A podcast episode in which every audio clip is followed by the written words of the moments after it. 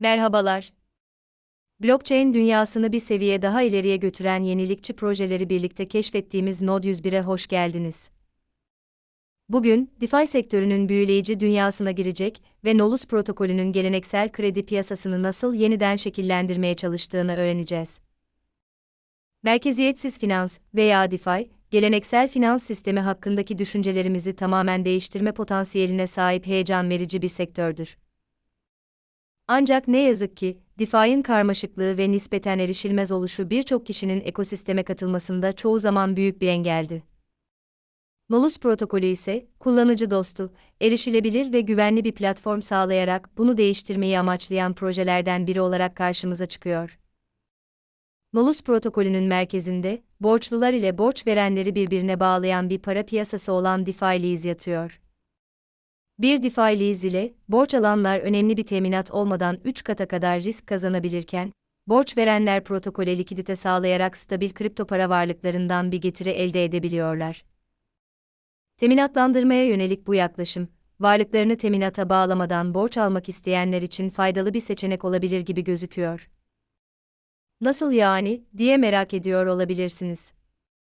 Diyelim ki yeni bir kripto paraya yatırım yapmak istiyorsunuz ancak önemli bir yatırım yapmak için yeterli birikiminiz yok. Bu yeni kriptodan küçük bir miktar satın alabilir ve değerinin artmasını bekleyebilirsiniz. Ancak yüksek rakamlara ulaşmak biraz zaman alabilir. Nolus protokolü ile bir DeFi lease alabilir ve yüksek miktarda bir teminatınız olmadan bir sonraki kripto para yatırımınız için stabil kripto paraları ödünç alabilirsiniz. DeFi Lease sizi protokole likidite sağlayan borç verenlere bağlar ve bir pozisyon açtığınızda faiz oranı sabitlenir. Bu, kripto para piyasasına girişinizi kolaylaştırmaya ve potansiyel olarak yatırımınızdan daha yüksek getiri elde etmenize yardımcı olabilir. Ayrıca platformun özellikle güvenliğe ve güvenilirliğe odaklanması, DeFi Leasing'e gönül rahatlığıyla katılabilmenizi sağlar. Peki protokolün yönetiminde nasıl söz sahibi olabiliriz? Elbette tokenlarla.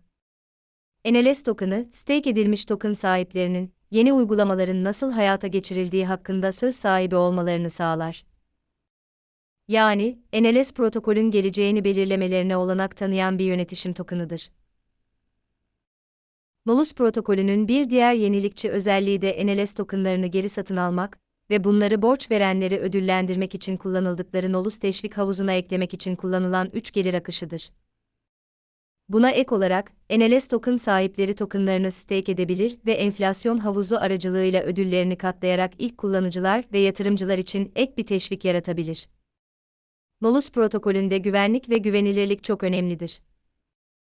Platform, akıllı sözleşme kodunun ve bakiyelerinin kamuya açık bir şekilde doğrulanabilir olmasını sağlar ve güvenlik araştırmacılarına buldukları hatalar için teşvik ödülleri sunar.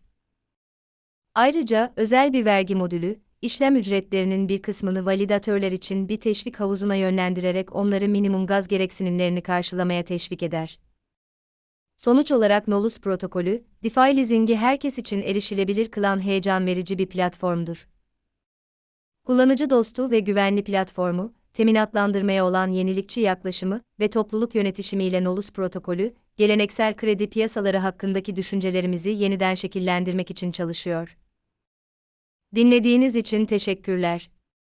Node 101'in bu bölümünden sizlerin de bizim kadar keyif aldığınızı umuyoruz. Sonraki bölümlerde bir başka projeyle görüşmek üzere.